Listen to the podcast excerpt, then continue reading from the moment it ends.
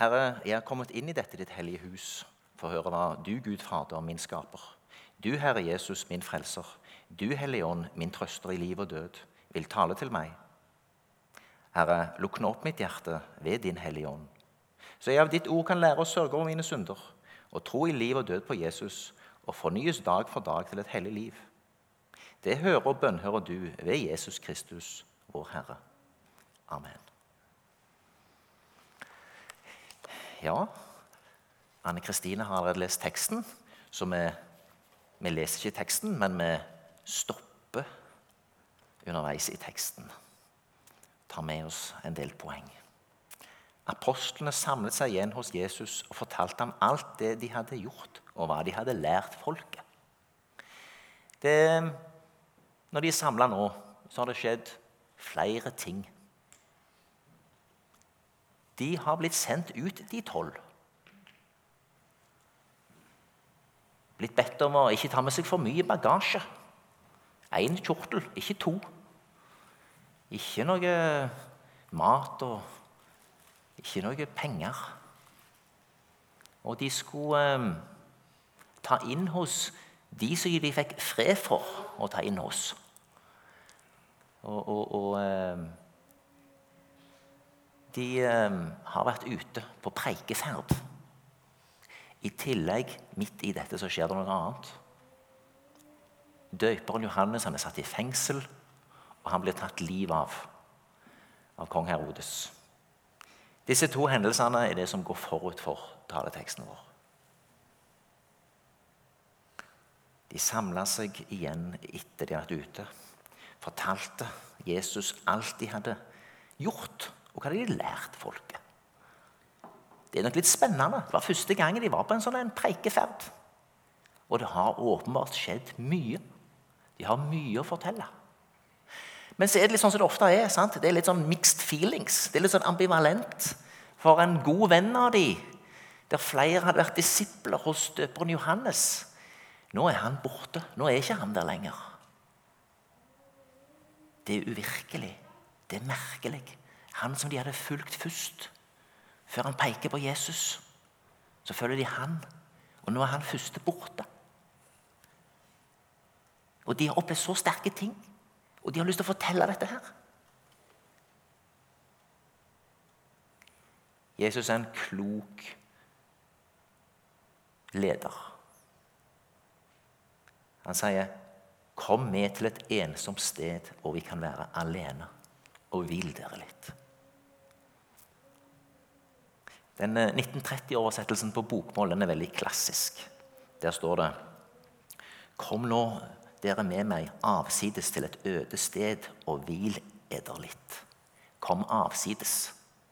Det har vært en sånn en fin tekst som mange bruker, eller sånn fint begrep. Å komme avsides, å bli tatt avsides, å kunne få roa seg ned. Det er mange gode grunner til det. Mange har etter hvert vært på retreat. Jeg tror det er en god ting å komme helt avsides. Skru av travelheten og det som ellers uh, så lett uh, som henger oss opp i. Roe seg helt ned.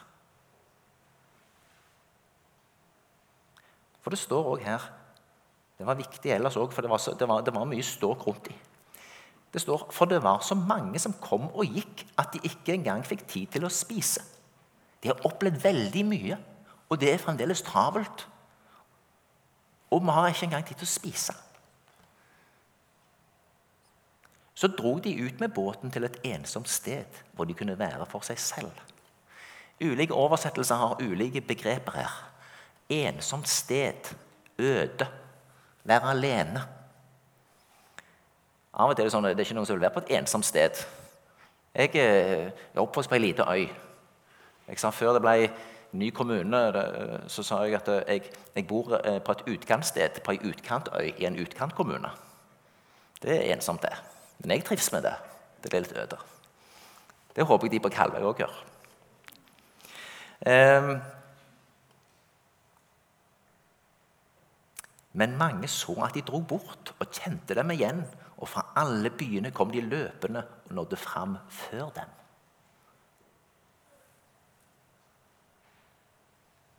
Har vi ikke opplevd det òg? Ja, vi prøvde å få stillhet. Vi prøvde å roe ned. Og så skjedde det noe til. Ja, Nå lurer du på hvordan det skal gå. I en sånn situasjon kan du bli litt stressa. Nå hadde jo vi planlagt litt ro, en liten feriedag, en liten break. Nå er det spoiled. Hvordan griper vi det an? Hvordan takler vi den situasjonen? Tror ikke jeg er nødvendigvis alltid den beste til å ja, Nå må du forstå at nå skulle egentlig ikke dere kommet hit, for nå skaper det litt kaos for oss. Du går litt i svart, eller Jesus han syns inderlig synd på dem, for de var som sauer uten hyrde. Han ser den dype lengselen deres. Han ser dypt inn i det som gjør at de kommer og spolerer den rolige retreatdagen for han og disiplene. Han ser behovene. Han ser menneskene.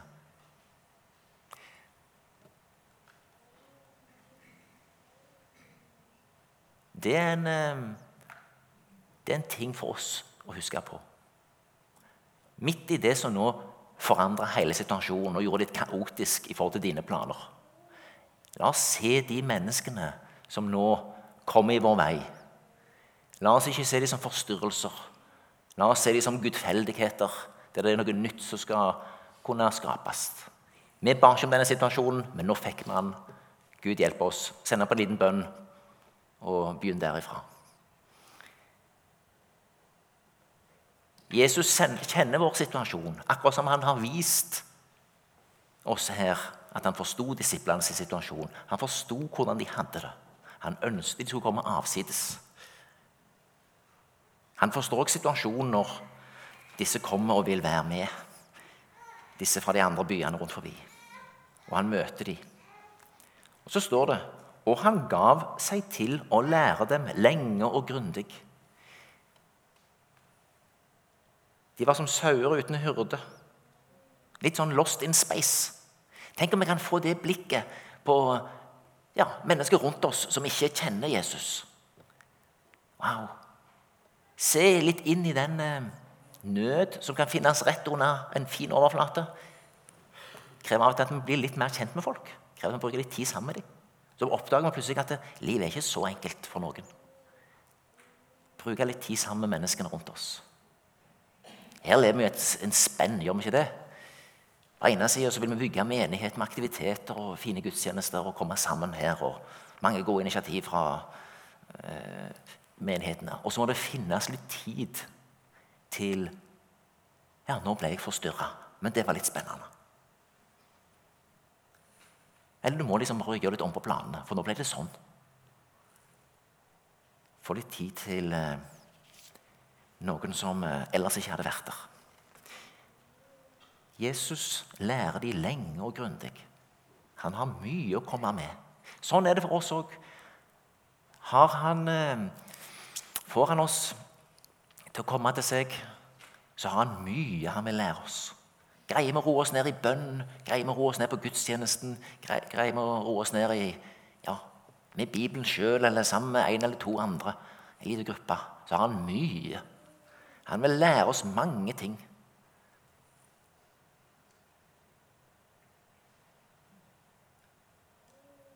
Da det var blitt sent på dagen, kom disiplene til ham og sa:" Stedet er øde, og det er langt på dag.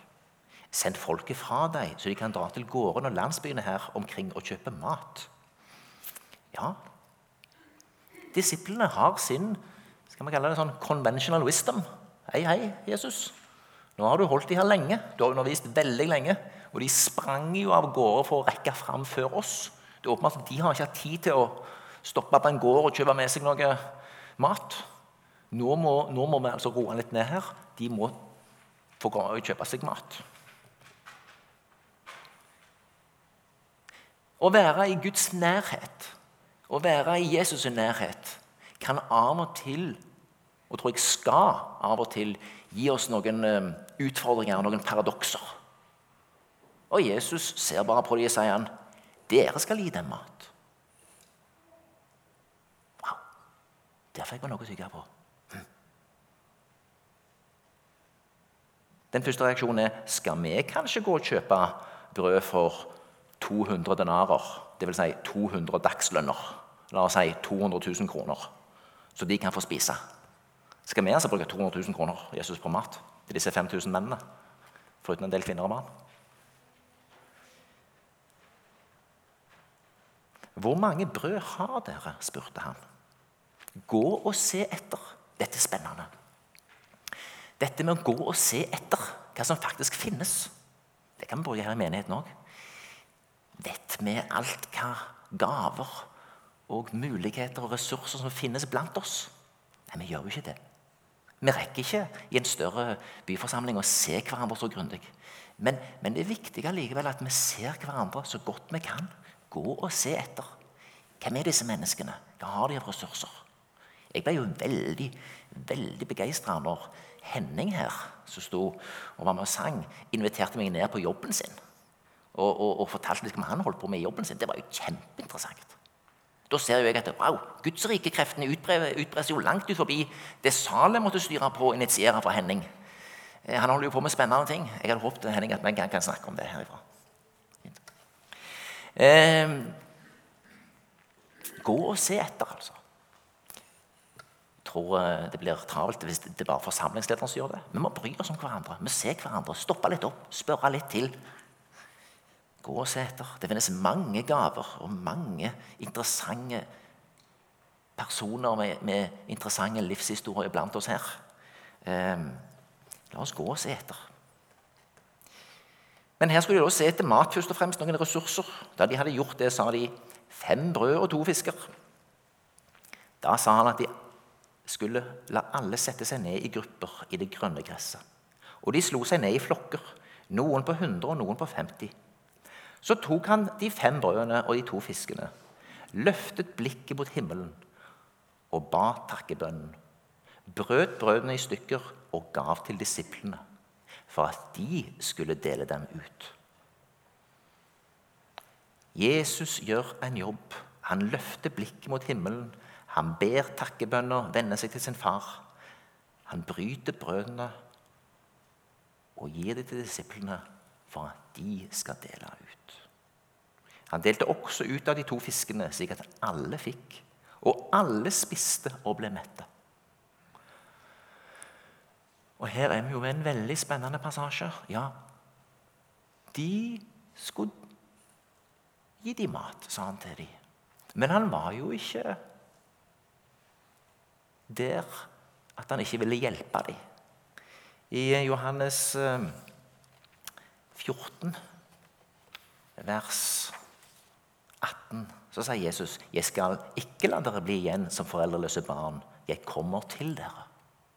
Dette er en veldig viktig setning som Jesus sier på skjærtorsdag i forbindelse med sin på mange måter avskjedstale til disiplene. Det er så mye som skal skje etterpå, som river opp i alt. Han skal sende Den hellige ånd. Nå er vi mellom påske og pinse. Vi er på vei mot at vi er på vei mot Kristi himmelfart og på vei mot at disiplene skal få Den hellige ånd. Men det er en veldig viktig setning. Jeg skal ikke la dere bli igjen som foreldreløse barn. Jeg kommer til dere. Det er en sånn eh, fin, spennende eh, sang nå som mange synger, som er på YouTube, og som mange synger, som heter uh, The Blessing. Får meg den veien. Det er fantastisk. Der er det noen fine passasjer. Den er både på norsk og på engelsk. Eh, han er for deg, synger de igjen og igjen mange ganger. Han er for deg. Det er en utrolig viktig setning. Gud er for oss. Gud er med oss. Jeg skal ikke la dere bli igjen som foreldreløse barn. Jeg kommer til dere. Gud er for oss. Han lar oss ikke være stuck med den tunge oppgaven. Dere skal gi dem mat. Nei, nei, nei. Vi skal gå og se etter. Vi skal gjøre en type innsats som vi er i stand til. Det kan være å se litt etter blant folk i menigheten. Dvele litt. Har jeg sjøl noen ressurser som jeg kunne brakt fram her? Se hverandre. Og så skal vi gå til Jesus med det. Vi skal dele det med han, og så kan han mangfoldiggjøre det. Vi kommer til Jesus med det vi har sett. Vi deler det. Det kan være vår fortvilelse vi ikke har funnet noe. Men Jesus han lar oss ikke være igjen som foreldreløse barn. Han finner ut av det og gir oss det vi trenger. Denne barnlige tilliten til han er det at han vil vi skal ha. Full tillit til at han har kontroll. Noen hver av oss er kanskje litt sånn kontrollfriker. Jeg er en særdeles angstfylt kontrollfrik. Jeg liker ikke for mye rot. Liker litt stramme ok rammer både i gudstjenesten og alt.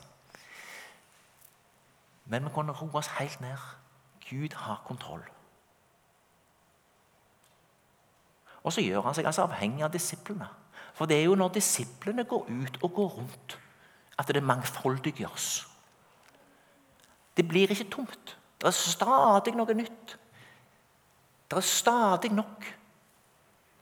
Det ble ikke tomt. Jesus var med i det.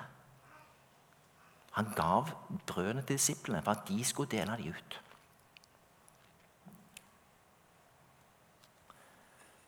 Da er vi litt tilbake med det som er et stort og viktig oppdrag i en misjonsforsamling. Det er at vi sender oss sjøl, og vi sender noen andre. Nå har vi fått opp noen fine bilder, plakater, nede i eh, trappegangen. Regner med de fleste av dere sitter i. Når du står nederst, så står det 'Hver den som påkaller Herrens navn, skal bli frelst'. Så går du opp gjennom, så kan du se hvordan kan de påkalle en de ikke tror på. Så går du opp neste avsats, så ser du hvordan kan de tro på en de ikke har hørt om. Så går du videre. Hvordan kan de høre dersom ingen forkynner? Og til slutt hvordan kan noen forkynne hvis de ikke er utsendt? Jeg tenker at det er en fin påminnelse for Salem misjonsforsamling, som i ca. 100 år har vært en, en sendemenighet som har sendt misjonærer ut. Dere skal gi dem mat. Men så har han ikke bare sendt ut, han har også drevet indremisjonsarbeid. Han har drevet Yngres søndagsskole, ulike diakonale initiativ. Dere skal gi dem mat. Og så er det jo ikke bare slik at vi sender noen andre og sier oh, 'Godt at jeg slapp'. Nei, nei, nei. Vi skal bli, eh, komme sammen og inspirere hverandre. La ordene og bønnen og fellesskapet og sangene prege oss. Og så sender vi oss sjøl ut. Og så kan vi kanskje dele noe av det vi fikk, med noen andre. Jeg fikk en sånn merkelig tilskyndelse her en dag. Jeg kjørte opp i en bydel i Stavanger der jeg ikke så ofte er. Der ser jeg en person som det er veldig lenge siden jeg har truffet, men som jeg er veldig begeistra for. Jeg har ikke snakket med ham på mange år. Så kjørte jeg liksom forbi og snudde og kjørte tilbake igjen. Og så kom denne setningen til meg. Dere skal gi dem mat. Ja, Så stoppet jeg, snudde jeg og fortalte jeg litt hva jeg holdt på med nå. og det er sånn samme rare greier. Og når, når, vi, når jeg kjørte videre, så sier jeg ja, som vi sier i min bransje Gud signe deg. Takk for det. sånn. Av og til må vi, må vi gjøre noen sånne Av og til får vi noen påminnelser. Av og til kan du dumme deg litt ut. Men vi må prøve. Vi må trene. Eh, I høst så håper Forsamlingsrådet og jeg at eh, ja, jeg er en del av Forsamlingsrådet, som sier Forsamlingsrådet da, at vi kan ha fokus på misjon i ulike varianter. Både at vi dveler med at vi er en ytre misjons bevegelse. At vi er en forsamling som har vært med på noe stort i så mange dimensjoner. Jeg håper å få både representanter fra Kina og Etiopia for å fortelle litt om de spennende tingene som har skjedd og fremdeles skjer. Vi kan være stolte over den historien. Det er spennende å ha vært en del av en sånn historie. Mye har skjedd både i Kina og Etiopia. Og ikke så mange andre land. Jeg håper vi kan få flere misjonærer som kan komme og dele litt av det de har opplevd der de var. Så kan vi se Wow, Gud. Du er stor. Tenk at du lot noen folk i en eh, utkantdel av Europa reise langt av gårde med ditt ord. Så spennende, Gud. Hva vil du gjøre nå? Og så har vi jo da en spennende migrantmisjon som holder til òg her i Salem. Arbeid blant innflytterne, der vi da hver søndag klokka fem har en samling med folk fra mange land. Det er veldig spennende. Jeg synes det var veldig stilig. Sist søndag så hadde vi konfirmasjonsgudstjeneste.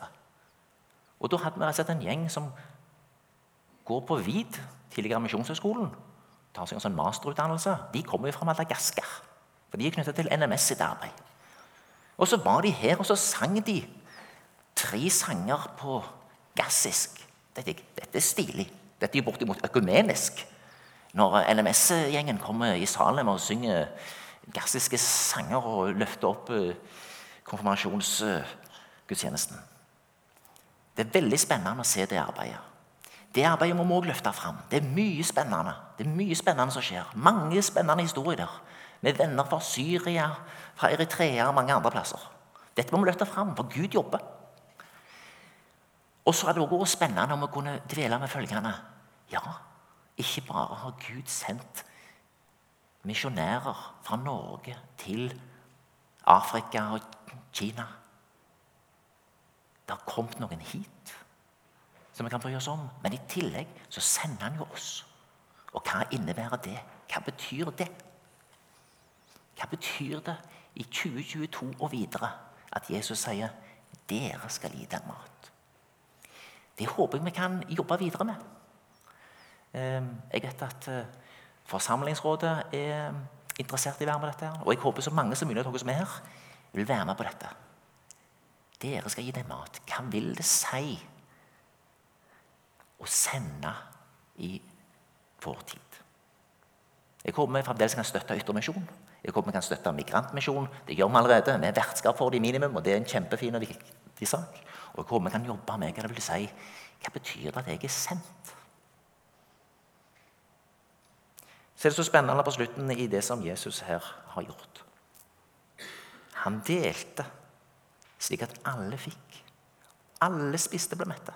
Det spennende er at det står ikke på Jesus, det står ikke på Gud. Han har nok til alle. Etterpå samlet de opp det som var igjen av brødene og fiskene. Tolv fulle kurver. Det var 5000 mann som hadde spist. Hvordan skal vi tolke de tolv fulle kurvene? Kan vi ta det sånn at wow, der var det rett og slett en svær, fin kurv? Eller hvor stor han var, vet jeg ikke. Til hver av de tolv som sjøl ikke hadde mat.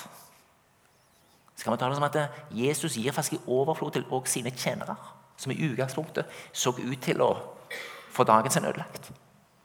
At Gud har en plan midt i det som ser litt kaotisk ut. Litt av det som ser litt merkelig ut akkurat nå.